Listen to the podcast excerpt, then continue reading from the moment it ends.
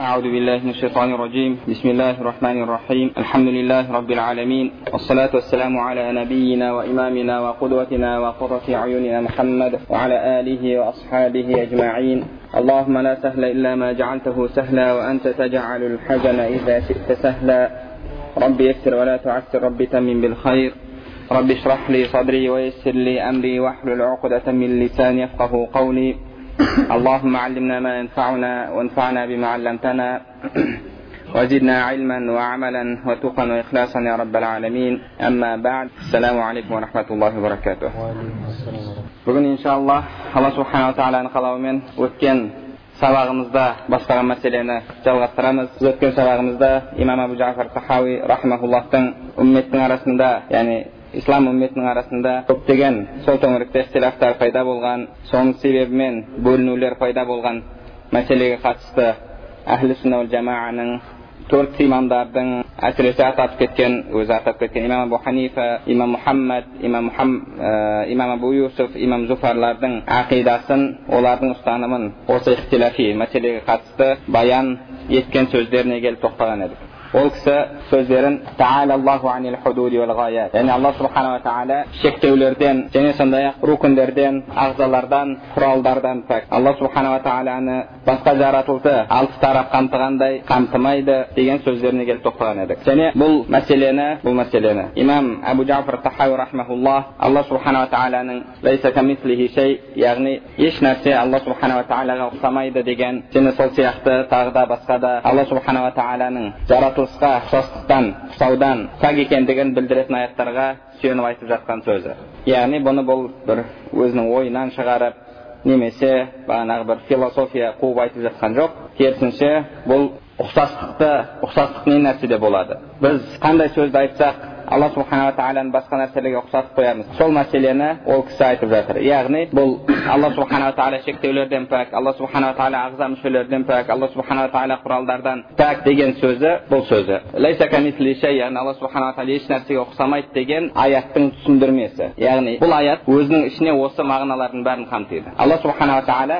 әлемге ұқсамайды жалпы жаратылысқа ұқсамайды әлем бұның барлығы алла субханала тағаланың жаратылысы енді алла субханала тағаланың жаратылысы ол жисімнен және арадтан тұрады біз өткен сабақта айтқан едік әлем әжсам және арад яғни денелер және денелерде көрініс табатын сипаттар дененің сипаттары осы екі нәрседен тұрады бұл жайында имам ибн жарир ат табари рахимахуллах өзінің тарихул умам уәл мулук кітабының бірінші бөлігі жиырма сегізінші бетінде айтады яғни мынандай бап қойған бабы القول في الدلالة على أن الله القديم الأول قبل كل شيء وأنه هو المحدث كل شيء بقدرته تعالى зикру яғни ол бақтың аты алла субханала тағаланың әзәли қадим яғни әуелі жоқтығына барлық нәрседен алдын бар екендігіне барлық нәрседен алдын бұл жерде де біз өткен сабақтарда айтып кеткен кейбіреулер алла субханала тағала бар еді алла субханала тағаламен бірге алла субханала тағаламен бірге еш нәрсе жоқ еді деген сөзге келіспейді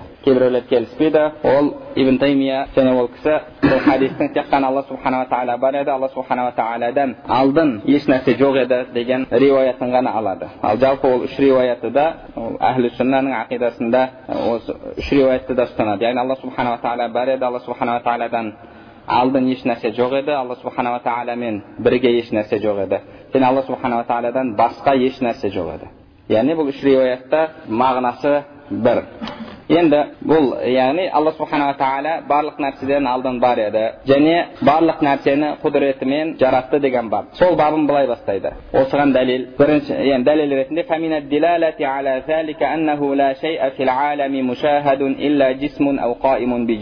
оған дәлел бұл әлемде бұл әлемде барлық бар болған нәрселер тек қана жисм немесе жисімде қиям яғни көрініс тапқандар көрініс тапқан нәрселер жалпы біз өткен сабағымызда айтқан жисім және арат деген мәселе ғұламалар жисімді былай түсіндіреді тағы бір түсініктемесі жисім сөзінің біз өткен жолы бір түсініктемесін айтқанбыз ол үш өлшем жүретін шектеулерден тұратын нәрсе дене дегеніміз тағы бір тарифінде түсінігінде ғұламалар айтады яғни жисім ол өздігінен өздігінен бар болған немесе өздігінде бар болуында басқа нәрсеге мұқтаж болмаған нәрсе деді яғни бұл жерде бұны арабтан айыру үшін айтып жатыр неге себебі дене ол өздігінен бар нәрсе мысалы алдымызда тұрған диктофондар болсын немесе мынау дәптер бұл дене ал бұның түсі ақ болуы қара болуы немесе дененің қимылдауы тоқтауы немесе бағанағы адамдағы сипаттар мейірімділік тағы да сол сияқты басқа да жомарттық басқа қорқу деген сияқты бұның бәрі денелер емес бұның бәрі арад олар денені қажет етеді. Яғни өздігінен жоқ ол нәрселер. Денеде көрініс табатын нәрселер. Денеде көрініс табатын нәрселер яғни денеде қиям болған нәрселер. Қиям табатын нәрселер. Ал жисім ол дейді. Яғни өздігінен болған нәрсе дейді. Арад сол жисімде болған нәрсе. Екеуін айыру үшін. Бұл жерде яғни жисім өздігінен деген кезде яғни ол тәуелсіз өзі бар деген сөз емес неге себебі өздігінен бар болған бар болуында еш нәрсеге мұқтаж болмаған еш нәрсеге тәуелсіз болмаған бірақ ол бір ақ нәрсе бар бірақ нәрсе деп айтпаймыз яғни бір ғана ол жалғыз жаратушы алла субханала тағала яғни алла субханала тағаланың сипаттарынан ғұламалар ақида кітабында келтіргенде дейді яғни өздігінен бар болу өздігінен бар болу алла субханала тағала құран кәрімде өзін яғни барлық нәрседен алла субханала тағала ғани яғни еш нәрсеге мұқтаж емес алла субханала тағала бар болуында заманға да мекенге де басқа еш нәрсеге де мұқтаж емес ал басқа нәрсенің барлығы алла субханала тағалаға мұқтаж енді бірақ алла субханала тағала әлемді әжсам жисімдер денелер және арад етіп жаратты енді арат ол жисімде көрініс табатын нәрселер сол үшін де жисім мен аратты ажырату үшін ғұламалар өйстіп айтады яғни әлемде бар болған нәрсе ол жисім дейді имам табари немесе жисімде қаим болған нәрселер дейді яғни жисімде көрініс тапқан немесе жисімді мекендеген нәрселер осы нәрселер деді бұл жерде бұл кісінің айтып жатқаны яғни бұл әлемде әлемде көрініп тұрған нәрселердің барлығы яғни жаратылыстың барлығы жисім немесе жисімде көрініс тапқан арабтар деді енді алла субханала тағала еш нәрсеге ұқсамайды екен онда алла субханала тағала яғни алла субханала тағаланың болмысы алла субханала тағала ақиқаты жаратылыстан өзгеше жаратылыстан өзгеше болса онда жаратылыс жисім және арат алла субханала тағала ол екеуінен де пәк ол екеуінен де пәк ал енді осы сөзді ибн таймия рахмаулла сол кісінің сөзімен салыстырып көрсек біз өткен сабақта айтып кеттік ол кісілер алла субханала тағаланың жаратылысқа кейбір жақтарынан ұқсас болуын әлемге ұқсауын жоққа шығармайды яғни жаратылысқа ұқсауын жоққа шығармайды оған мен өткен жолы ә, шейх усайминнің сөзін келтірген едім алла субханала тағала адамды өз бейнесінде жаратты дейді және сол хадиске сол хадиске берген шархында алла субханала тағала мен адамның арасында яғни азғантай ұқсастық бар дейді яғни олардың иатиқадында олардың сенімінде алла субханала тағала мен жаратылыстың арасында азғантай ұқсастық бар ол қандай ұқсастық азғантай алла субханала тағалада қол бар адамда қол бар аллада аяқ бар адамда аяқ бар алла субханала тағала жүз бар адамда жүз бар саусақ бар саусақ көз көз яғни осы нәрселер ұқсастық енді бұл сөз әлбетте кімдердің сөзіне ұқсайды бізден алдыңғы өткен яхуди насранилардың сөздеріне ұқсайды пайғамбарымыз саллаллаху алейхи вассалам сендер алдыңғылардың арттарынан ересіңдер деді арттарынан ересіңдер кесірткенің ініне кіріп кетсе сендер де артынан кіріп кетесіңдер деді яғни солардың артынан ересіңдер ал олар олардың ең бірінші адасқан нәрсесі алла субханала тағаланы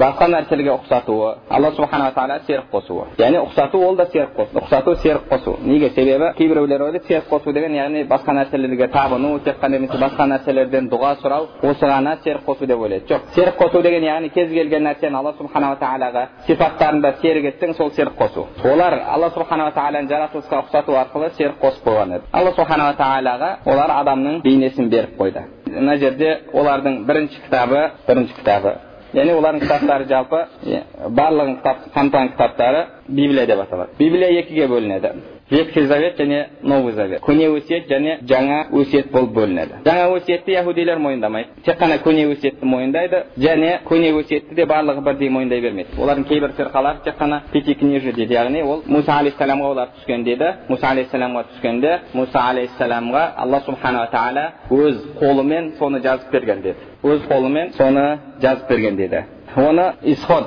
кітабы отыз бірінші глава он сегізінші стих. Сонда осы сөз келеді. Қазір оны неғылса оқып та бересіздер болады. Олар айтады айтады и когда бог перестал говорить с моисеем на синае дал ему две скрижали яғни сөзін бітірген кезде оған екі лаух берді дейді скрижаль. Две скрижали откровения скрижали каменные на которых написано было перстом божьим дейді перстом божьим яғни құдайдың қолымен жазылған дейді құдайдың қолымен жазылған дейді олар құдай өзі қолымен жазып соны мұса алейхисаламға тапсырған дейді оны оларды ақиданы үйрету сабақтарына қатыссаңыздар бұлттың ішінен қол шығып тұрып екі тасты мұса алейхисаламға ұстатып жатқанын көресіздер. Екі тасты мұса алейхисаламға ұстатып жатқан. Ол мұса алейхисалам келеді да құранда келгендей қолындағыларды лақтырып тастайды. Ашуланған кезде өзінің қауымын басқа нәрсеге танып кеткен көрген кезде сонымен ол сынып қалады кейін құдай қайтадан жазып береді. Яғни осы бес сол бес кітап пятикнижие дейді соны. Кейбір яхудилер тек қана осыған сенеді басқаларына сенбейді. Бірақ енді басым көпшілігі ветхий заветтің бәріне сенеді. Енді ветхий заветтің ішінде бағанағы біз забур алла субхана тағала дәуд алейхисалам забурды түсірді олар оны псалтир деді яғни псалтирі бар ішінде сүлеймен алейхисаламның кітабы дейді олар бірақ шын қарасаңыз ол осы тек қана бағанағы ғашықтарға арналған хат сияқты ішін оқитын болсаңыз тек қана біреу өзінің махаббатын сол аңсап отырып өзінің бір жақсы көргенін аңсап отырып жазған нәрсе яғни ішінде көрсеңіз сенің тілің балдай тәтті сенің белің анандай мына жерің мынандай яғни көретін болсаңыз субханалла сол үшін де қазіргі кезде кейбір ә, осы европалықтар біз балдарымызға библияны оқытуды тыйым салуымыз керек. Себебі библия адамды тек қана зинаға тәрбиелейді. Өздерінің туысқандарымен қарым қатынасқа түсуге яғни жыныстық қатынасқа түсуге шақырады дегенді айтады. Неге? Себебі ол мысалы бізге үлгі болған пайғамбарлар бұлардың кітабында осы кітапта мас болып өзінің екі қызымен зина қылады енді пайғамбар зина қылса одан басқасына одан басқасына ол не тұрады? Яғни осы олардың екі екі неге бөлінеді? Көне өсиет және жаңа өсиет. Завет деді завет деген яғни негізі құдай мен адамның арасындағы серт дейді бірінші серт ол ибраһим алейхисаламмен болған ол серт қалай сүндетке отыру арқылы болады яғни сертті адам сол сүндетке отыру арқылы қабылдайтын міне құдаймен өзінің арасында келісім түзеді кім сүндетке отырады ол тура жолда болады міне бізде бағана қалып кеткен нәрсе сол шығар жаңағы мұсылмансың ба десе құдайға шүкір сүндетке отырғанмын дейді ал қияметте ол сүндетке отырған пайдасы болмайды неге себебі біз қияметте тірілген кезімізде барлығымыз анадан туылғандай тірілеміз анадан туылған яғни ешкім сүндетке отырғызылмаған халінде ол жерде сіздің сүндетке отырғызғаныңызды сіз сонымен өзіңіздің мұсылмандығыңызды дәлелдей алмайсыз яғни бұл осылардан қалған нәрсе болу керек аллаху алам яғни бізге өтіп кеткен сонымен яғни ол көне өсиет ал енді мынау жаңа өсиет не үшін жаңа өсиет деп аталады немесе новый завет яғни жаңа серт жаңа серт ол апостол павел дейді негізі христианствоның негізін құрушы сол кісі негізін құрушы сол кісі. Ол кісі негізінде айса алейхисаламның жауы болған. Бірақ бір күні өзінің тәуба қылған құбылып келіп келіп сонымен құдай маған уахи ете бастады дейді негізгі олардың ұстанымын өзгерте бастайды. Соның бірі айса алейхисаламның өзі сүндетке отырған және өзі айтады мен ешнәрсені өзгертуге келген жоқпын бірақ толықтыруға келдім. Немесе соны орындауға келдім деген сияқты сөздерді айтады. Ал ол келеді да жоқ біздің құдаймен енді жаңа сертіміз ол исаның қанын мойындау деді. Исаның қанын яғни ол біз үшін адам зат үшін қайтыс өлді. Ә, біздің күнәларымыз үшін адам ата жасап қойған первородный грех деді. Бірінші күнә үшін қайтыс болды. Біз соны мойындаумен құдаймен серттесеміз деді. Сол үшін де ол новый завет деп аталады. Яғни оны яхудилер мойындамайды. Неге себебі олар? Жалпы айса алейхисаламды мойындамайды. Олар өздерінің исасын күтуде. Енді солардың мынау бірінші кітабы яғни ветхий завет бірінші бес кітаптен басталады. Бес кітап олар мұса алейхисаламға өзінің тірі кезінде түскен дейді бәрі. Құдай оны өз қолымен жазып берген дейді қазір оқып бергендей және осы жазып берген кітабының ішінде тағы да келетіні алла субханала тағала бұл жерде едем деп қойған яғни адін бізде адін. Адін жәннатын өз қолымен отырғызды және адамды адам алейхисаламды сол жәннатта орналастырды дейді бұл кімдердің кітабында осылардың кітабында келген нәрсе христиандар яхудилердің де ал енді шейх хусаймин өзінің ибн таймия рахмауллахтың уасития атты кітабына жасаған шархында алла субханала тағала үш нәрсені өз қолымен істеген дейді үш нәрсені өз қолымен істеген біріншісі алла субханала тағала адамды өз қолымен жаратты дейді құранда аятты құрандағы аятты тікелей алады да өз қолымен жаратты дейді өз қолымен жаратты дегенде әлбетте ол алла субханала тағала құдіретімен жаратады бірақ посредством руки яғни қолымен мүсінін жасап деп түсіндіреміз ба қалай түсіндірсек те әйтеуір яғни сол мағынада қолын тигізу ана қолымен адам алейхисаламның мүсінін келбетін жасап жасап сонымен оған рух үрді дейді және екіншісі алла субханала тағала әдін жәннатын өз қолымен екті деді және үшіншісі тауратты өз қолымен жазып берді деді яғни әлбетте бұл сөздерді ол сөздерді мынау кітаптан табасыз мынау кімдердің кітабы яхуди насранилардың кітабы ал пайғамбарымыз саллаллаху алейхи сендер солардың артынан ересіңдер дейді енді олар осы бірінші кітабы бытие деп басталады бытие арабша такуин яғни жаратылыс жайында сөз кетеді жаратылыс жайында сөз кетеді бұл жерде жаратылыс жайында кеткен сөзі де алла субханала тағала алты күнде жаратты жетінші күні демалды деген сөзді айтады және төртінші күні бесінші күні барып күнді айды жаратады. Ал бірінші күні ананы жаратты мынаны жаратты деді. Кейін кешке қарады өзі разы болды деді. Яғни жаратқанына сондай жақсы жаратыппын деп. Сонымен кеш болды азан болды дейді бірінші күн өтті. Екінші күн үшінші күн төртінші күні күн мен айды жаратты дейді сонда бағана ислам ғұламалары сұрақ қояды ғой. Күн мен айды жаратудан алдын қалай күн мен түн болды деп яғни бірінші күн екінші күн деген яғни осы кітапта бытие кітабы оларда глава дейді ішінде. Мысалы бір кітап болатын болса соның ішінде глава сол главаның ішінде стих деген кетеді глава оның ішінде стих кетеді енді бірінші глава жиырма алтыншы стих айтады и сказал бог сотворим человека по образу нашему по подобию нашему. Яғни адамды өзімізге өзіміздің бейнемізге ұқсатып жаратамыз деп олар сөзін бастайды. Және осы сөзді де әлгі кісілер ұстанады. Яғни әлбетте бұл да нені білдіреді ол ұқсата білдіреді. Енді сол үшін де олар алла субханала тағаланың алла субханала тағаламен жаратылыстың арасында ұқсастықтың бар екенін жоққа шығармайды ұқсастықтың бар екенін жоққа шығармайды тек қана олардың қосымша айтатын нәрсесі алла субханала тағаланың ана ағза яғни қол аяқ қол аяқтарының қол аяқ дегеніміз бұның бәрі ағза дегенді білдіреді бұның бәрі ағза неге себебі оның бәрі адамның денесінің бөлшектері және денесінің ағзалары мысалы оған мысал яд сөзі қол қол сөзін словарға қарап көретін болсаңыз яғни сөздікте былай айтады араб тілі сөздігінде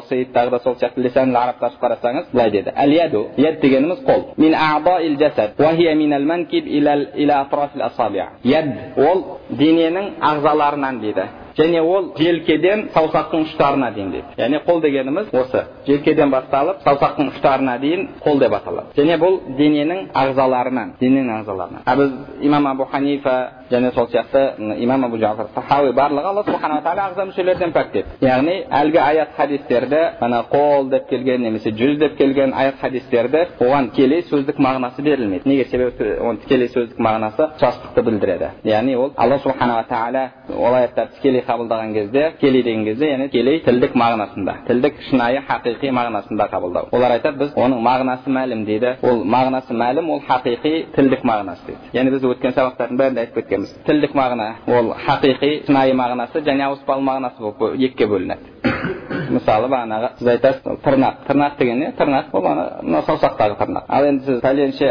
ажал тырнағына ілікті десеңіз онда ол әлбетте яғни ажал деген бір сондай бір дене немесе бір үлкен құс оның тырнақтары бар сол тырнағына ілікті деген сөз емес ол. Бұл бұл жерде қандай мағынада? Мәжази мағынада айтылып жатады. Немесе мысалы яд сөзі. Қол шынайы мағынасы ұстау құралын білдіретін болса оның қамусты қарайтын болсаңыз басқа мағыналар көп. Мүлік дегенді білдіреді қуат дегенді білдіреді жамағат дегенді білдіреді жомарттық дегенді білдіреді күш. Яғни сол сияқты өте бір жиырма бестей мағынасын ғұламалар келтіреді. Оның ауыспа мағыналары. Бірақ шынайы хақиқи мағынасы деген кезімізде ол тек қана ағзаны білдіреді. Және адам да қол деген кезде соны түсінеді. Одан басқа нәрсені түсінбейді. Яғни олар алла субханала тағала ағза мүшелерден тұрады деген сөзді жоққа шығармайды. Тек қана оны біз ағза мүше деп айтпаймыз дейді ағза мүше деп айтпаймыз себебі ағза мүше деген ол келмеген біз оны қол деп айтамыз аяқ деп айтамыз көз деп айтамыз дейді мағынасы мәлім дейді сен қол деген кезде аяқ деген кезде көз дегенде нені түсінесің сол мағына деді. Әлбетте сіз ағзаны түсінесіз. Одан басқа бір нәрсені түсінбейсіз. Ол ағза.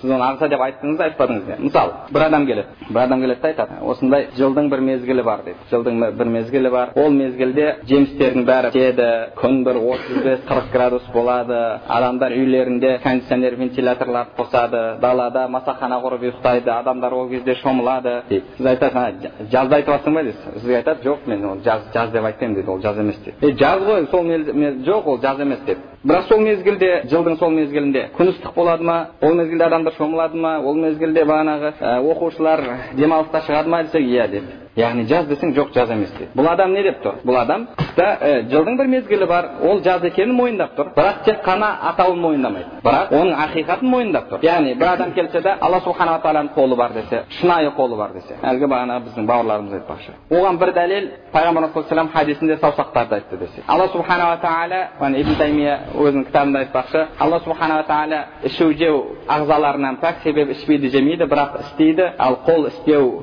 құралы алла субханала тағала қолы бар десе яғни оны іс деп тұр ол алла субханала тағала шектеулі деп тұр қолының яғни саусақтары бар деп тұр сол қолымен адамды жаратты жәннат адын жәннатын екті тауратты жазды деп тұр яғни сен ағза деп тұрсың ғой жоқ ағза деп айтпаймын деді бұл адам ағза екенін мойындап тұр ма мойындап тұр бірақ тек қана атауынан қашып тұр тек қана атауынан қашып тұр енді бір адам келеді да айтады бір жазда бір сондай мезгіл жылда бір жаз деген мезгіл бар дейді сіз айтасыз яғни ол мезгілде күн ыстық болады екен оқушылар бәрі каникулға шығады демалысқа. Адамдар шомылады жемістердің бәрі піседі десең айтады жоқ дейді ондай емес. Сонда қандай десең айтады жоқ ол мезгіл жаз деген мезгіл бар бірақ ол жаз деген мезгілде қар жауады күн суық болады адамдар қалың киініп жүреді бағанағы жер тайғақ болады бұл адам жазда айтып тұр ма не қыста айтып тұр ма? Қыста айтып тұр. Бірақ неде қателесіп жатыр ол? Атауында қателесіп жатыр. Яғни бір адам келсе де алла субханала тағала жисім десе алла дене десе. Бірақ алла дене бірақ алла бір тарапты емес алла шектеулерден пәк. Алла субханала тағаламен жаратылыстың арасында ешқандай арақашықтық деген нәрсе жүрмейді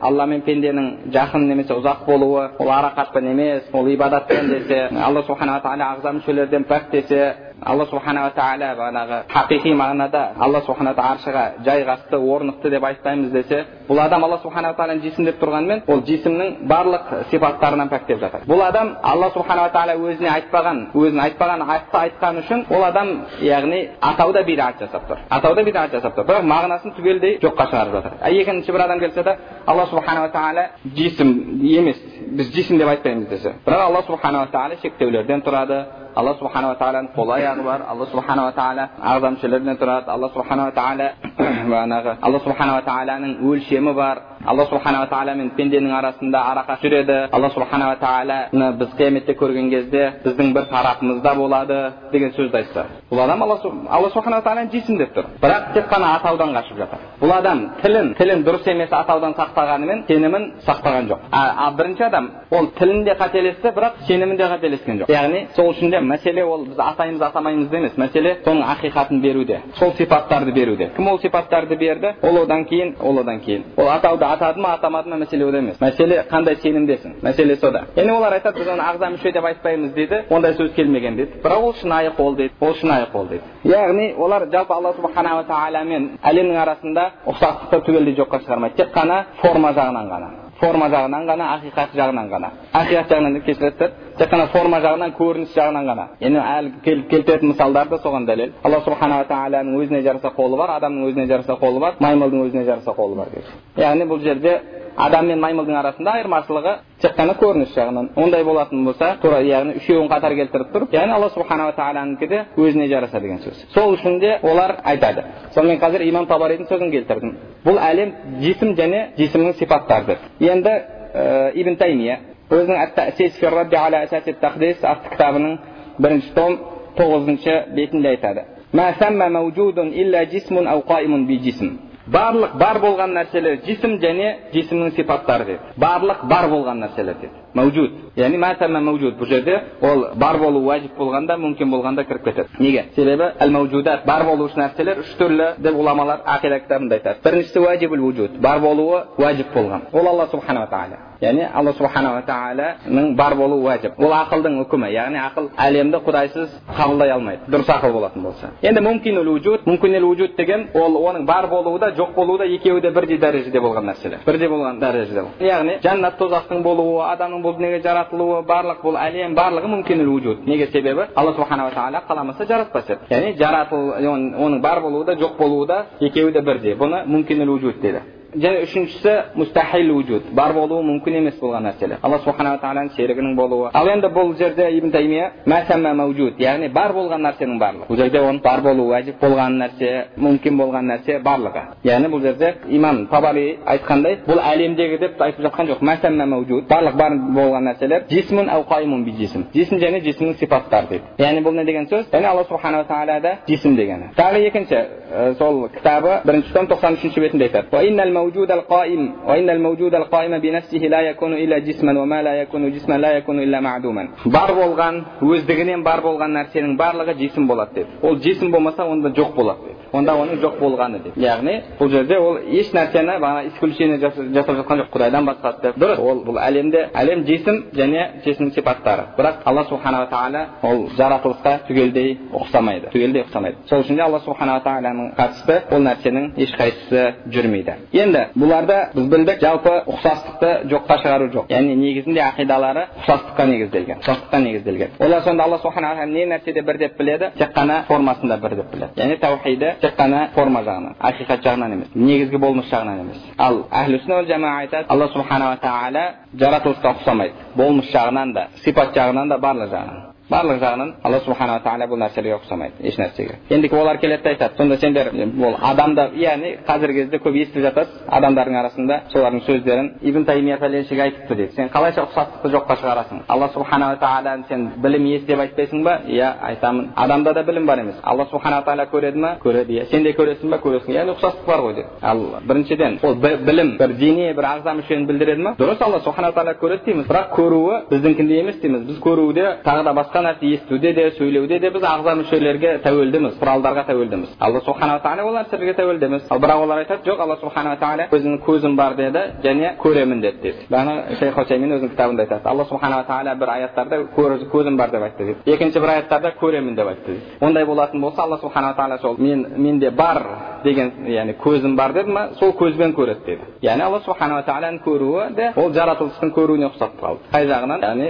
көруі ағза арқылы болады көру ағзасы арқылы болады ал біз алла субханала тағала көруінде естуінде де бәрінде алла субханала тағала көру есту сөйлеу барлық ондай құралдардан пәк дейміз ағза мүшелерден алла субханала тағала пәк ол нәрселерге тәуелді емес себебі тәуелді болу мұқтаждықты білдіреді сонымен алып келді енді оны алла субхана тағаланың көруі өзіне жараса десеңдер өзіне жараса дегеніміз яғни басқа нәрселерге ол бана ағза мүшелерге тәуелді емес деген сөзіміз алла субханала тағаланың көруі естуі бұлар ешқандай бір еш нәрсемен шектелмейді деген сөзіміз ал енді онда өзіне жараса десеңдер өзіне жараса дегеннің мағынасы осы негізі а неге енді қол өзіне жараса көз өзіне жараса деп айтпайсыңдар дейді ал көз қол аяқ балтыр бұның бәрі сіз қанша өзіне жараса дегеніңізбен ол тек қана ағза мүшені білдіреді ол жерде өзіне жараса деп айта алмайсыз өзіне жараса айтсаңыз яғни формасы өзіне жараса деген сөзіңіз одан басқа мағына емес. Енді кейбіреулер келеді да осы біздің айтып жатқан сөздерімізді айтады бұл философия ақылға салу дейді негізінде оны айтудың өзі ақымақ. Неге? Себебі алла субханала тағала құранды араб тілінде түсірді олар айтады осы аяттар муташабихат аяттардың мағынасы бізге мәлім мағынасы анық. Ода ешқандай бір не жоқ дейді.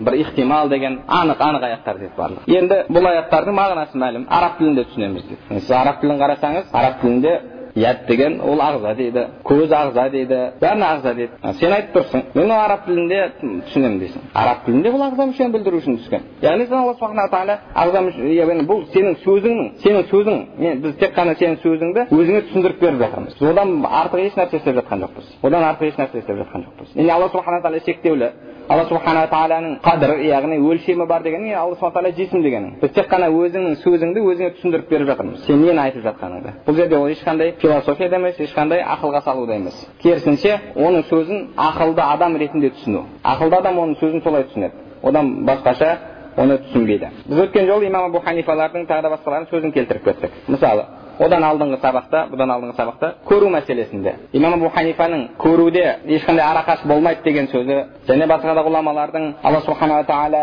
біздің бір тарапымызда болмайды дегені бұның бәрі осы алла субханала тағала шектеулерден пәк ағза мүшелерден пәк дегені. Неге себебі алла субханала тағала дене емес деген сөзі. Ал ол дене болмағаннан кейін ол арақашықтық ондай еш нәрсе жүрмейді. Енді бұл қараңыз мысалы ибн таймия рахмаулла кітабының екінші том төрт жүз он тоғызыншы бетінде айтады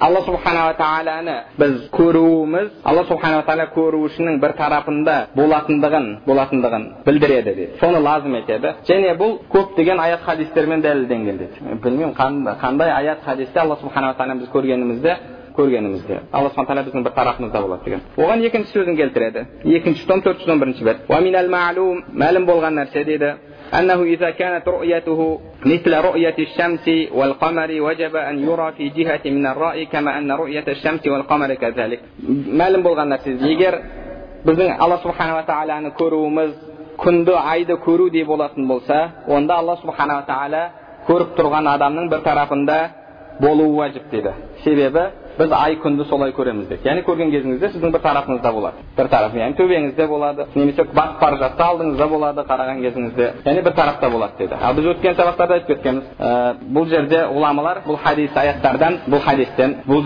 пайғамбарымыз саллаллаху алейхи уассалам көреміз бе көрмейміз бе соны айтып жатқандығы яғни хадисте айтып жүр пайғамбарымыз саллаллаху алейхи яғни сондай күнде бұлтсыз түнде айды көргендей дейді бұлтсыз түнде деген яғни ашық анық көру бұл жерде қалай көреміз деген сөз кеткен жоқ.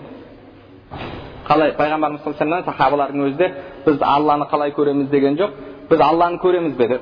Пайғамбарымыз саллаллаху алейхи сендер бұлтсыз түнде айды көргендей көресіңдер деді. Яғни ашық көру анық көру. Бұл жерде қалай көру жайында ешқандай сөз жоқ. Сол үшін де бұл аят хадистен ә, біз яғни бағанағы күнді айды көргенімізде біздің бір тарапымызда болғандай алла да біздің бір тарапымызда болады деген сөз. Бұл әлбетте жаман ақидасына қайшы және ол да болса алла субханала тағала дене дегеннен шығады. Алла субхана тағала дене шектеулі деген сөз. Неге себебі? Шектеулі сол яғни алла субхана тағала заты болмысы шектеулі сол шектелетін жерінен сіз белгілі бір арақашықта тұрасыз да алла субханала тағаланы көресіз. Алла субханала тағала сіздің төбеңізде болады. Сіз басыңызды көтеріп тұрып көзіңізді ашып қарайсыз. Яғни көру бұларда жай көру. Жай көру ол бір алла субханала тағала ол алла субханала тағала берген нығметі ол біздің көзіміздің ісі емес оның бәрі неге негізделеді алла субханала тағала дене дегенге алла субханала тағала дене дегенге бұл кімнің ақидасы бұл яғни дене дегудің өзі алла субханала тағала ұқсату бұл яхуди насранилардың ақидасы мысалы тағы бір мысал қазір біз ветхий заветтен айтып кеттік новый заветте келеді иса алейхисалам ағашқа керіледі керілгеннен кейін қанша күннен кейін яғни одан кейін оны апарып көміп қояды оны апарып көміп қояды олар айтады ол иса алейхисалам біз үшін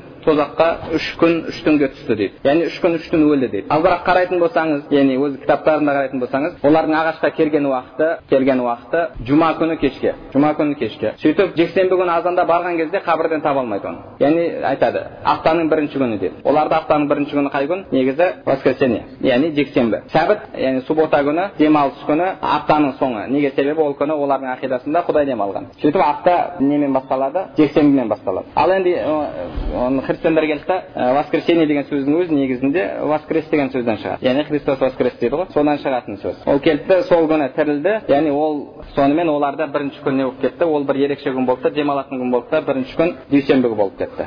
Енді қараңыз үш күн үш күн дейді. Сіз пятница күні кешке яғни ол күн кешкі алты сағат кешкі алты еді дейді. Білмеймін қай уақыт. Гринч лондонның сағатымен ба немесе басқа сағат әйтеуір сағат алты еді дейді. Сонымен ол кешке қарай оны түсіреді сөйтіп апарып бір қабірге қояды. Аузын таспен жауып қояды. Одан кейін сенбі күн бір күн бір күн екі түн болып тұр бір күн екі түн жексенбі күні таңертең келген кезде оны таба алмайды яғни мен осы сұрақты өздеріне қойып көрдім сонда бастары қатып кетті өздерінің бүйтіп қарап тұрып біреуі алдым соны өзі ойланып көрініпті да бірде бір солардың біреуінен сұраған едім мынау неде бар адвентисты седьмого дня дейді солардан сұраған кезінде мен бұны ойланып көрмеппін деп жастау біреу еді сонымен ол барды да үлкенінен сұрады яғни өзін әлі бас қатырып көрмепті да соны қарап оқып жүр күнде өзі үш күн үш түн деп тағы айтып жүр бірақ ана ойланып көрмепті да үлкеніне барып еді үлкені бүйтіп та білесің бе ол азапталған күннен бастап оны бірінші ағашқа керуден алдын азаптады өйтті бүйтті. Яғни ол как будто сол уақыттан бастап өлген сияқты деді мен айттым ол сенің өзің ойың деді яғни сол уақыттан бастап уже үш күн үш түн болады деді ол жерде олар айтады ол ағашқа керіледі одан кейін барып одан жан шығады е құдай мені неге тастап кеттің? дейді. Оның бәрі кітаптарында келген. Содан кейін қанша күннен кейін шәкірттеріне көрінеді. Міне мен исамын қолымды көріңдер міне шегеніңіздері деп бүйтіп келіп көрсетеді кітаптарында кітаптар бойынша. Одан кейін көтеріледі де көтеріледі. Де алла субхана яғни әкесінің оң жағына жайғасады. Әкесінің оң жағына жайғасады. Кітаптарында солайынан келеді. Яғни трон аршығы әкесінің оң жағына жайғасады. Енді бізден кейбіреулер келеді да таймия өз кітабында раббым пайғамбарымызға мақтаулы орынды бере көр деп біз алла субхан тағаладан дуа қыламыз. Пайғамбарымыз айтқандай және мен иншалла сол боламын деп айтады. Ол қандай мақам мақтау, мақтаулы орын ол шафаат орны шафаат мақамы ол барлық сахих хадистерде келгенде ал оны келеді да сол келеді жоқ мақам махмуд дегеніміз яғни алла субханала тағала пайғамбарымызды өзінің оң жағына отырғызады дейді өзімен бірге дейді бұл да ұқсас яхуди ұқсас олар иса әкесінің оң жағына жайғасып десе ол келеді да пайғамбарымызды қиямет күні өзінің оң жағына отырғызады дейді өткен сабақта айтып кеткен едім ибн таймия алла субханала тағала алты жағынан шектеулі дейді алла субхана тағала алты жағынан шектеулі дейді яғни мысалы имам тахауи шектеулерден пәк десе олар жоқ алты жағынан шектеулі дейді имам имам тахауидің алла субхан тағала шектеулерден пәк деген сөзін яғни шектеулерін біз білуден пәк деп тәпсірледі әлбетте бұл бұрмалау. Ол шарх емес ол бұрмалау. Неге себебі имам тахауи шектеулерден пәк деп немесе ол ойын дұрыс жеткізе алмайтын онда араб тілін дұрыс білмейтін біреу. Ал ондай білімсіз адамның кітабын шарықтаудың өзі негізінде қажеті жоқ нәрсе. Бірақ білмеймін неге соншама сол жерге келеді да иә негізгі жерге келген кезде онікі дұрыс емес бұл жерде сөзі мужмәл енді түсініксіз деп бәрін бұрмалай бастайды да соңында келеді да сол кітапқа сонша көңіл бөледі. Қайсысын қарасаңыз да барлығы шарықтайды соны. Сондай ол түсініксіз сөздер жазған болса онда ол ғалым дәрежесінде емес. Онда көңіл бөлмей ақ қойыңдар тастап қойыңдар. Оны басқа сол сияқты білімсіздер оны шарықтасын білімсіздер шарықтасын оны кім келеді да шейх әлбани келеді да бұл даже қосылған сөз десе де мен оған таң қалмаймын деген сөзді айтады. Яғни маудуа яғни біреу келіп жалған жазып кеткен деп. Ал ол кітап ең сенімді кітаптардан бағанағы сәнәдімен басқасымен өзінің қолжазбасы бәрі сақтаулы. Сөйтіп келеді да алла субханала тағала алты жағынан шектеулі деді ал ана шектеулерден пәк дегенмен шектеулерін біз білуден пәк деген екеуі жер мен көктей айырмашылығы бар жер мен көктей айырмашылығы бар енді ол жоқ шектеулері бар деген дұрыс дейтін болса онда әбу ханифаның әбу жафар тахауи сол сияқты имам ол алла субханала тағала шектеулерден пәк деген имам ахмадтан да келетін сөздер онда олардың ақидасы дұрыс емес енді екенің бірі бірақ жоқ біздің ақидамыз төрт имамның ақидасы деген сөз ол өтірік сөз ол өтірік сөз төрт иә төрт имам жарайды төрт имам ақидасы дұрыс болмасын біз оларға еріп жүрген біздің ақидамыз дұрыс болмасын олардың ақидасы дұрыс емес төрт имам ақидасы дұрыс онда или біз адасуда болайық или олар адасуда болсын ал бірақ жоқ төрт имамның ақидасы бұл біздің ақидамызға сай деген сөз өтірік. Ол өтірік әңгіме. Себебі оны ешқандай бұл жерде оны қоса алмайсыз алла шектеулерден пәктеумен ағза құралдардан пәктеумен жоқ алла субханала тағаланың шынайы қол аяқтары бар. Алла субханала тағала алты жағынан шектеулі деген. Енді алты жағынан шектеулі деген сөзді айтады. Және ә, біз тек қана бір жағынан шектеуін білеміз дейді бір жағынан шектеуін білеміз дейді ол бағанағы әбу яля деген кісіге қарсы жазады әбу яля не деген алла субхана тағала аршы жағынан ғана шектеулі себебі аршымен шектеседі болмаса ал басқа жағынан ешқандай шектеулі нәрсемен шектеспейді сол үшін басқа жағынан шексіз дейді ал кім келеді да ибн тайми келеді да жоқ дейді ол сөз дұрыс емес дейді ол сөз дұрыс емес алла субханала тағала алты жағынан да шектеулі дейді яғни мына жерде келеді да айтады солар имам имам ахмад солай шектеулі деп айтқан дейді біз иншалла имам ахмадтың сөзіне де келіп кетеміз бір жерінде шектеулі деп келген дейді бір жерінде шектеусіз деп келген дейді оны келеді да әбу яла былай тәпсірлейді шектеулі дегені яғни астқы жағынан деген шектеусіз дегені яғни басқа жағынан дейді а ибн таймия оны келеді да өзінің баян кітабында айтады культу яғни ибн таймия айтады айттым дейді имам ахмадтың сөзін былай тәпсірлеуі дұрыс емес дейді бірақ имам ахмадтың ол бірінші айтқандай дейді яғни бірінші айтқаны шектеулі деген дейді ал енді шексіз деген жері алла шектеулерден пәк дегені ол жерде біздің ілімімізді яғни біз шегін білуден пәк деп тұр дейді оны исбат қылғанда яғни шектеулі шектеулерден тұрады деген кезде ол алланың болмысына болмысы жайында кетіп жатыр дейді а шектеулер шектеусіз деген кезде біз білімін білмейміз деген яғни оның қай жер қай жерден шегі қай жерден екенін біз білмейміз дейді яғни тек қана асты жағынан біз білеміз деді қай жерден шектесетінін асты жағынан себебі аршы дейді аршы бізге мәлім дейді аршы бізге мәлім бізге мәлім нәрсемен шектескеннен кейін біз асты жағынан білеміз шектесетін жерін ал басқа жағынан біз білім, білмейміз бірақ басқа жағынан да шектеулі дейді енді осы осы сөзді алла субханала тағала пайғамбарымызды оң жағына отырғызады деген сөзбен екеуін қосып көріңіз алла субхана тағала аршыға жайғасқан деді оң жағына пайғамбарымызды отырғызады деді. Бағана айтып жатқан еді біз асты жағынан ғана шегін білеміз деді шектелетін жерін енді оң жағынан да шектелетін жері мәлім болған жоқ па? Мәлім болмай ма? Пайғамбарымыз саллаллаху отырған жерден бастап алла субханала тағаланың болмысы бітеді деген сөз. Енді бұдан басқаша қалай түсіне аласыз ол сөзді? Яғни біз бұл сөзді осылай түсінген кезде біз философия немесе ақылға салып жатырмық па? Немесе дұрыс ақыл иесінің түсінігімен түсініп жатырмық па? Мысалы сізге біреу келсе де айтса кішкентай үстелді көрсетіп мына үстелге мына үстелге японияда күресетіндер бар ғой мана шүберекті байлап алып. Сол келіп мына кішкентай үстелге отырды десе сіз айтасыз е мынаған қалай сыйды дейсіз дұрыс па? Е мынаған қалай сыйды ол сыймайды ғой дейсіз неге себебі? Анау кішкентай анау үлкен. Ол кез келген ақыл иесі оны солай түсінеді. Айтады қалай отырды? десіз.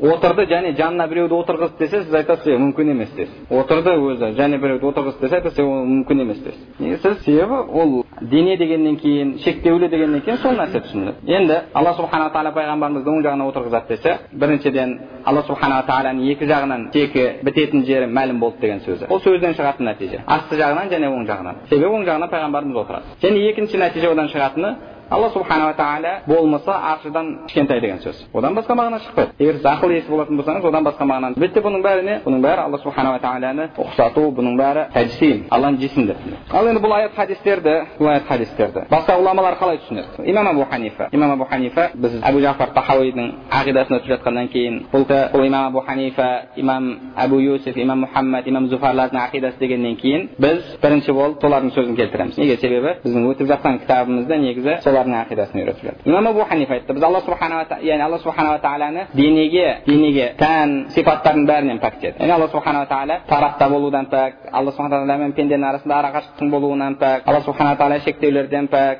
ал енді сонда ана аят хадистер бар. Қол аяқ деп келген. Онда олар оны жоққа шығарады ма әлбетте оны жоққа шығармайды. Олар оны жоққа шығармайды. Олар бұл аят хадистерді бұл аят хадистерді. Мұхкамат аяттардың төңірегіне жинайды. Бірінші бізде бірінші басшылыққа алатын әрдайым ұстанатын бірінші болып ұстайтын аятымыз ол алла субхана тағала еш нәрсеге ұқсамайды алла субхана тағала еш нәрсеге ұқсамайды түгелдей ұқсамайды алла бар бар болуында басқа нәрселерге ұқсамайды өзгеше олар келеді да мысалы бағанағы шейх хусеймин уаситияға жасаған шархында айтады біз түгелдей ұқсастықты жоққа шығара алмаймыз деді неге себебі мысал келтіреді алла бар дейді біз бармыз дейді яғни ішінде келетін сөзі алла бар біз бармыз дейді яғни бар болуда ортақпыз дейді алламен ал ортақ болу ол ұқсастықтың бір түрі. Дейді яғни деді яғни бар болуда біз алла субханала тағалаға мушарака жасаймыз дейді соған ортақпыз деп. Яғни ал ортақтық ол ұқсастықтың бір түрі дейді біз алла субханала тағала жоқ деп жатқан ешкім жоқ. Алла субханала тағала бар. Бірақ бар болуында өзгешелеу яғни алла субхана тағала бар болса біз бар болсақ онда болды бір бірімізге ұқсаймыз деген сөз емес. Алла субханала тағаламен жаратылыс бір біріне ұқсайды деген сөз емес. Біз алла бар дейміз. Бар болуында еш нәрсеге ұқсамайды. Еш нәрсеге ұқсамайды дегеніміз яғни алла субханала тағала ағза мүшелерден пәк деген сөз алла субхана тағала денеден пәк деген сөз енді олар келеді да жоқ бұл сөздер бидат бұл сөздер бидат ол оны ешқандай сахаба да басқа да айтпаған деген сөзді айтады негізінде ғұламалар бұны айтқан кезде бұны айтқан кезде бұлар құранға еріп айтып жатыр мысалы құранда алла субханала тағала айтады пайғамбарымызға қатысты пайғамбарымыз мүшриктер келді да ол жынды деп жынды деді алла субханала тағала айтты сен алланың саған берген нығметімен сен жынды емессің деді олар жынды деп жынды емес деді алла субханала тағала жайында туған деді алла субхана тағала деді туылмаған деді пайғамбарымыз саллаллаху алейhi жайында ол сиқыршының сөзі деді алла субханала тағала ол ешқандай сиқыршының сөзі емес деді олар бұл ақынның сөзі деді алла субхана ол ешқандай ақынның сөзі емес деді яғни екінші тарап пайғамбарымызға жала жапқан кезде дұрыс емес нәрселер айтқан кезде дұрыс емес нәрселер айтқан кезде. Алла субханала тағала құранда соған қарсы жауап келтірді ал енді біз мысалы саллаллаху алейhi мақтайтын болсақ пайғамбар мақтайтын болсақ ол жынды емес ол сиқыршы емес ол ақын емес деп мақтамайсыз ол ақын емес деп мақтамайсыз немесе алла субханала тағаланы дұға жасатқан кезде денелерден пәк болған ағзалардан пәк болған мүшелерден пәк болған деп дұға жасамайсыз алла субханала тағаланың есім сипаттарымен жасайсыз бірақ алла субханала тағала лайық емес нәрселерді біреулер алла субханала тағала тағып алла субханала тағала дене деген кезде алла субхана тағала ағза мүшелерден тұрады деген кезде ғұламалар соғаларға қарсы жоқ алла субханала тағала ағза мүшелерден пәк құралдардан пәк денеден пәк алла субханала тағала ұқсастықтан пәк деп сол деген аяттың аятты кеңінен түсіндіріп берді. Неге? Себебі бұның бәрі негізінде соның ішіне кіріп кетеді. Яғни ол бір ешқандай бір бидат емес ол құранға еру. Неге? Себебі құранның услубы құранның методы сондай. Қашан біреулер жала жапқан кезде алла субханала тағала сол аяттарды қарсы түсірді. Бірақ сіз біреуге келіп біреуді мақтамақшы болып жатсаңыз сен жынды емессің сен ақымақ емессің сен есек емессің сен топас емессің деп айтпайсыз ғой бұл мақтау емес егер негізінде ал бірақ екінші бір жақ келіп жоқ ол жынды ол ақымақ ол басқа деген кезде жоқ алла субхана тағала құран кәрімде пайғамбарымыз айтқандай сен жынды емессің сенің сөзің сиқыршының сөзі емес сенің сөзің ақынның сөзі емес деген кезде бұл мақтау алла субханала тағала неге себебі алла субханала тағала бұл жерде пайғамбарымызды кемшіліктерден әлгі аналар айтып жатқан кемшіліктерден пәктеу алла субханала тағала ағза мүшелерден пәк деген кезде бұл алла субханала тағаланы мақтау неге себебі біз бұл жерде ұқсастықтан пәктеп жатыр олар келеді айтады мысалы имам абу жафар тахауидің сөзін өзіне айтады имам абу жафар тахауи дейді имам абу жафар тахауи бұл жерде бидатшылардың сөзін келтіреді дейді бидатшылардың сөзін келтіреді себебі ол құранның жолы емес дейді құранның жолы аллаға еш нәрсе ұқсамайды деп айтып кету болды деді онда былайша әрбір нәрсені жеке жеке мына адам пәк адам пәк деп айту ол құранның құранның жолы емес деді құранның жолы емес және оны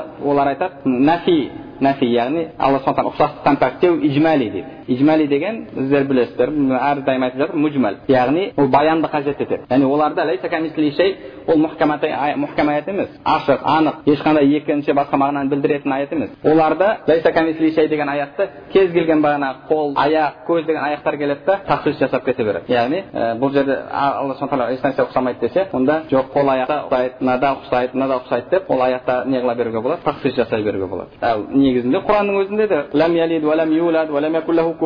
бұның бәрі яғни белгілі бір сипаттардан пәктеу белгілі бір сипаттардан пәктеу ол құранның жолы сол үшін де ол имам абу жафар айтып жатқанда ешқандай бір бидашылардың сөзі емес мысалы осындай алла субханала тағала шектеулерден хадден пәк деген бұны біз иншалла ендігі жолы ғұламалардың сөздерін және ол аят хадистерді олар яғни біз ол аят енді қысқаша қазір айтатын болсам біз ол аят хадистерге иман келтіреміз деді бірақ бұл әлбетте ұқсастықты білдіретін мағынада емес манағы ғұламалар айтқандай бұл ағза мүше мағынасында емес қандай мағынада біз мағынасын аллаға тапсырамыз аятқа иман келтіреміз аятқа иман келтіреміз де мағынасын аллаға тапсырамыз деп имам шафи айтады мен алланың сөзіне өзі қалаған мағынада иман келтірдім деді иман келтірдім деді барлық ғұламалар айтады біз алла субханала тағала яғни бұның білімін аллаға тапсырамыз деді білімін аллаға тапсырамыз деді енді енді мысалы яд деп келсе яд деген сипатқа иман келтіреміз бірақ ол ағза мүше мағынасында емес мағынасын аллаға тапсырамыз деді бұл көпшілік сәләф ғұламаларынікі енді ол мәселеге иншалла кейіннен тоқтап кетеміз қазір мен тағы бір тоқтап кетпек болып жатқан нәрсем ол имам ибн хайбан рахмауллахпен болған мәселе имам ибн хайбан кім хадис кітабын көбірек оқыған кез келген адам біледі мысалы имам ибн хайбан риуаят еткен имам ибн имам ибн хайбан ол да бұхари муслимдер сияқты сахих яғни сахих хадистерді жинаған кісі оның сахих ибн хайбаны бар оның ә, күниясы әбу хатим ол кісінің бағанағы адамдарды сорттауда кітабына ғұламалардың бәрі қайтады әбу хатим пәленші шыншыл деді пәленші жалғаншы деді пәленшіден хадис алынады деді пәленшіден хадис алынбайды деді яғни бұл кісі үлкен ғұлама имам әбу хатим сол үш жүз елу үш жүз елу бірінші жылдары ма үш жүз елу төртінші жылдары ма қайтыс болған кісі яғни ғұламаларынан оның үстіне мұхаддис байхақи болсын ибн хиббасын болсын бұхари болсын бұның бәрі әхлі сүннаның үлкен имамдарынан сол имам ибн хиббан жайында айтады әбу зар әл харауи деген бір кісі кім естіген ол жайында ешкім естімеген әйтеуір кітабы бар әбу зар әл харауи дейді негізінде муджассим алла субхан тағаланы басқа нәрсеге ұқсатушы сол ұқсатушылардан сол өзінің кітабының екі жүз жетпіс бесінші екі жүз жетпіс сегізінші бетінде келтіреді яхя ибн аммардан сұрадым дейді яхя ибн аммардан сұрадым дейді кім естіген бар яхя ибн аммар деген ешкім естімеген ол да әйтеуір бір мүшәбде яхя ибн аммардан сұрадым дейді әбу хатим ибн хиббан әл бусти жайында деді яғни үлкен мұхаддис жайында сұрадым дейді оған айттым дейді сен оны көрдің бе яғни әбу зар харауи яхя ибн аммардан сұрап жатыр сен имам ибн хиббанды көрдің бе дейді ол айтады қалайша мен оны көрмедім біз ғой оны сиджистаннан қуып жіберген дейді яғни сиджистан мемлекет келген кезде бағанағы бір елге біз оны шығарып жібердік ол елден деді оның білімі көп еді бірақ тақуалығы жоқ еді дейді бізге келді де алла субханала тағаланың хадд яғни шектеулерін инкар қылды дейді алла субхан тағала шектеулерден пәк деп яғни аналарға келсе аналар алла субханала тағала алты жағынан шектеулі алла субханала тағала манағы үлкен бір дене деген сияқты сөзді айтып жүрген бұл келді де ей мұсылмандар алладан қорқыңдар алла ол нәрселерден пәк деген сөзді айтты сөйтіп бұлар тұрды да сен қалайша сен ол сөзді айтасың сен бидатшысың деп сиджистаннан қуып жібереді айтады яғни сол сөзді айтты алланың хадді инкар қылды сол үшін біз оны сиджистаннан шығарып жібердік дейді яғни кім кімді шығарып жатыр қараңыз кім кімді шығарып жатыр үлкен мұхаддис сәләф салих ғұламаларынан сахихты жинаған ол кісіге ғұламалардың барлығы қайтады риуаятшылардың дәрежесін халым білуде ал ол бір елге келіп ақида үйретпекші болса сен алланы шектеулерден пәктедің деп оны шығарып жібереді одан кейін сол әбу зар харауи тағы да кітабында келтіреді абдусамад ибн салихтың айтып жатқанын естідім дейді ол айтады абдусамад әкемнен естідім дейді ибн хайбанның екі сөзін біз инкар қылдық дейді яғни оған қарсы оған айтып ол дұрыс емес деді бірінші ол пайғамбарлық біліммен және амалмен болады деп айтты дейді. Біліммен және амалмен болады. Бұл кімдердің сөздері? Бұл философтардың сөздері. Яғни адам бағанағы ғибадат жасаумен пайғамбарлық дәрежесіне жетуге болады деген. Адам уәлилік яғни әулиелік дәрежеге жете алады ибадатын күшейтумен. Бірақ ол ә, пайғамбарлық таңдау. Олар айтады сол сөзді айтты дейді. Біз оны зендек яғни еретик деп үкім шығардық дейді. Сонымен халифаға жаздық дейді. Халифаға осындай деп айтып жатыр деп жаздық дейді. Ал ол ешқандай кітапта ешқандай оны үлкен ғұламалар ол сөзді айтты деп айтпаған. Ол сөзді айтатын болса ол куфр болып кетеді. Яғни негізінде бұл мужассимдер мушаббихтердің методы бұрыннан. Ол өздеріне қарсылас жайында өтірік айтуды олар дұрыс көреді негізі. Қалайша үлкен мұхаддис пайғамбарлықтың алланың таңдауымен болатынын білмей қалды. Айтады ол келді нубуа нубуа яғни пайғамбарлық амал білім және амал деп айтты дейді. Яғни біліммен амалмен болады деп айтты дейді. Сонымен біз оған не жаздық дейді. Кейін одан кейін тағы да айтады. Сондай ақ біз оны не қылдық хәжір қылдық дейді мына жерде кітабында тағы да келтіреді біз оны хәжір қылдық дейді яғни яғни оны біз еретик деп үкім шығардық та одан кейін хәжір қылдық дейді хәжір қылдық дейді хәжір деген не болды онымен араласпаңдар оны тыңдамаңдар одан сабақ алмаңдар деп яғни бұл мүшәбих мужассимдердің бұрыннан келе жатқан методы біріншіден қарсылас жайында жалған сөз сөйлей береді жалған сөз сөйлей береді керек болса мысалы осыдан қанша жылдар алдын имам имам науауидің әл әзкар кітабы саудияда басылды басылды басылған кезде басқаруымен ләжнатул ифта яғни фатуа беру комитеті дейді оның басшылығында ибн баз солар басылым көрді имам науауидің әзкар кітабында пайғамбар саллаллаху алейхи қабірін зиярат ету деген бап бар ал оны ширк көреді сөйтеді да ол бапты алып тастайды. Негізінде ғылыми аманат жазып қойып сол жұлдызша қойып немесе басқа қылып астынан бұл дұрыс емес бұл жерде қателесті басқа ең болмағанда ғылыми аманат та. Ал оны түгелдей жоғалтып тастау түгелдей жойып тастау бұл әлбетте ол кісінің атынан жалған сөйлеу. Және мысалы сондай үлкен ғұламаны хәжір қылды. Хәжір қылу яғни хәжір қылу осы мүшәббих мужассимдердің методы ойбай онымен араласпа оны тыңдама оны тыңдасаң адасасың яғни өзінің дәлелі әлсіз болған кезде ол келіп сөйлесуден қашады да айтады оны тыңдамаңдар ол бидағатшы онымен араласпаңдар сондай сондай үлкен имамға яғни онда жақсылыққа бұйырып жамандықтан қайтару қайдан қалды дін тек қана саған тұма неге оған келіп ол қатесі болса баян етпейсің неге баян етпейсің келесінде жоқ араласпаңдар тыңдамаңдар одан құранды алмаңдар басқа қылмаңдар онымен араласуға да болмайды одан кәпірмен мүшрикпен араласқан жақсы оның зияны жоқ мынаның зияны бар енді бұл кімдердің сөзі бұл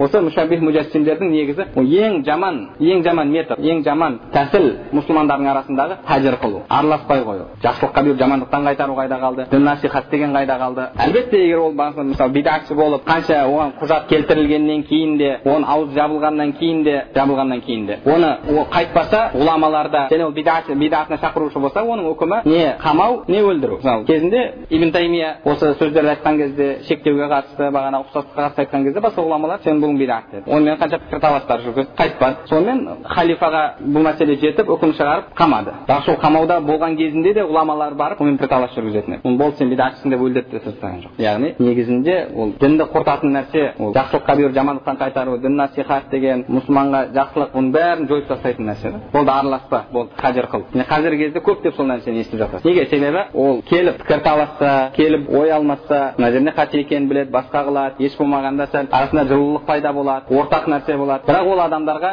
бір мәмілеге келу жақпайды мәмілеге келу жақпайды. Мұсылмандардың бір болуы жақпайды. Әрдайым фитна болу керек. Әрдайым бір бірімен қырылысып жүру керек. Сол кезде ғана олардың бағана қалағаны болады. Ол не? Мұсылмандарды әлсірету басқаларға қызмет ол. Сол үшін де ол бұл метод бұл тәсіл бұл осы бидатшылардың ең жаман тәсілдерінен. Ана хәжір қылу. Ол араласпа бол басқа тыйым тыйып сал тыйып тастайды одан кейін ол тыйып тастағаннан кейін ол кімдердің методы тағы? Сираға қарайтын болсаңыз бір саха бір кісі келген кезде пайғамбарымызды естіпе естіпе ол сиқыршы ол анау мынау. Әлгі кісі айтады мен соңында құлағыма мақта тығып аламын ба? деп ойладым деді. Яғни хәжір қыл оны естіпе онымен араласпа деу мүшриктермен бағана мүшәббихтердің ол методы. Ол әхлі сүннан методы емес. Ол әхлі сүннан жол емес. Араласпа.